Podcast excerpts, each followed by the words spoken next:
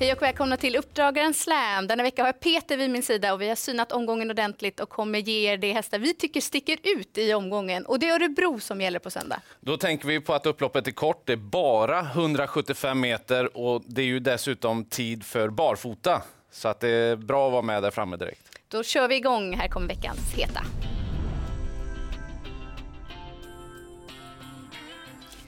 Och vi börjar i den första avdelningen med nummer åtta, Love No Pain, som har varit riktigt bra i årets två starter. Senast eh, avslutade hon sylvast utan att räcka fram till seger. Gick under 10 sista 700 metrarna. Hon gillar den längre distansen och Katja Melko har fortsatt fin form på stallet, 28 i segerprocent.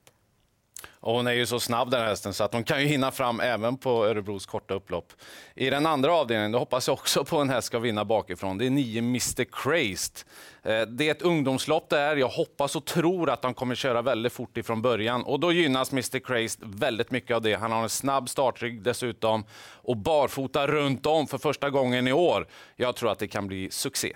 Och går vi till den tredje avdelningen så har Marcus Svedberg fin form på stallet. Han säljer ut tre hästar under dagen och tror mest på nummer fyra Titon Game of War som tyvärr krånglade direkt innan bilen gick i debuten för Marcus Svedberg. Nu tar vi omtag och tror att han fungerar och då har han goda chanser att vinna det här loppet.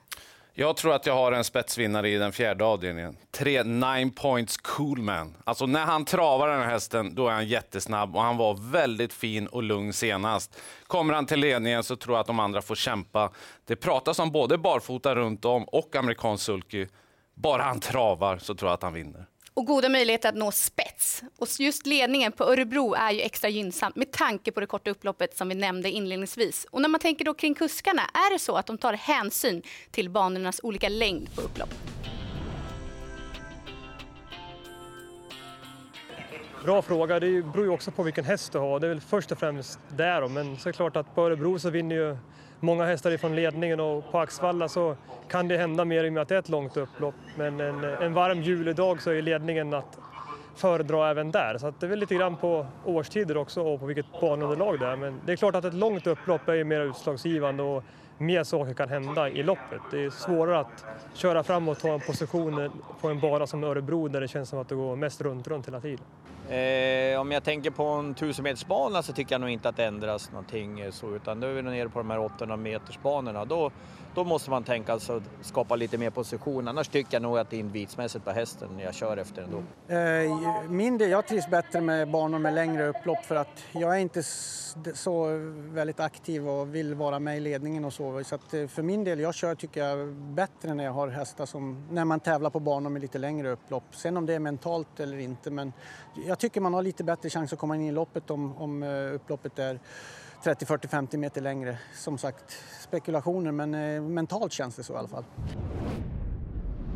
Intressant det som Per Lennartsson är inne på, att olika kuskars körstilar passar in på olika banor. Vem passar in på Örebro tycker du? Ja, men det är ju Åke Lindblom. Han lägger ju inga fingrar emellan på hemmaplan. Han gasar från start och det tror jag att han gör i den fjärde avdelningen med nummer två, Cherry O Baby. Som har årsdebuten avklarad. Då var hon riktigt bra som tre med skorna på. Det är ett klart plus för henne att hon får springa barfota den här gången och hon har ju tidigare visat fina takter bakom bilen. Jag sticker ändå emellan med en liten bakspårsvinnare. För jag, jag, tror jag har en i femte avdelningen, 10 Sultan Norrgård. Alltså jag gillar den här hästen. Han har inte hunnit vinna så många lopp hittills, men han har gjort det bra ändå. Och senast var det lång distans, han mötte tuffa hästar, han gick i ledningen. Jag tycker han höll starkt där. Det ser passande ut den här gången. Lite körning från början så tror jag att Hans-Ove Sundberg kan runda dem trots bakspåret. Okej, nu har du levererat en bakspårsvinnare. Nu vill jag ha en riktigt bra spetsvinnare. Ja, då ska du få min bästa den här omgången. Det är sista avdelningen, nummer två, Melby Ivy. Alltså hästen ska gå barfota runt om för första gången i sin karriär och senast så vann den lätt ifrån ledningen. Jag tror att Kai Widell har definitivt siktet inställt på tät igen och där ska hästen slås. Jag tror de andra får väldigt svårt med det.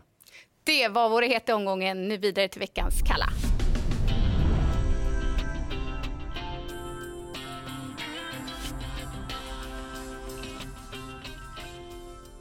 Jag börjar med avdelning 3, nummer 1, Hoonigan kommer att bli hårt betrodd eftersom den har vunnit två av tre starter hittills i karriären. Men senaste insatsen var inte bra. Det var problem med bettet i munnen på hästen då, jag vet det.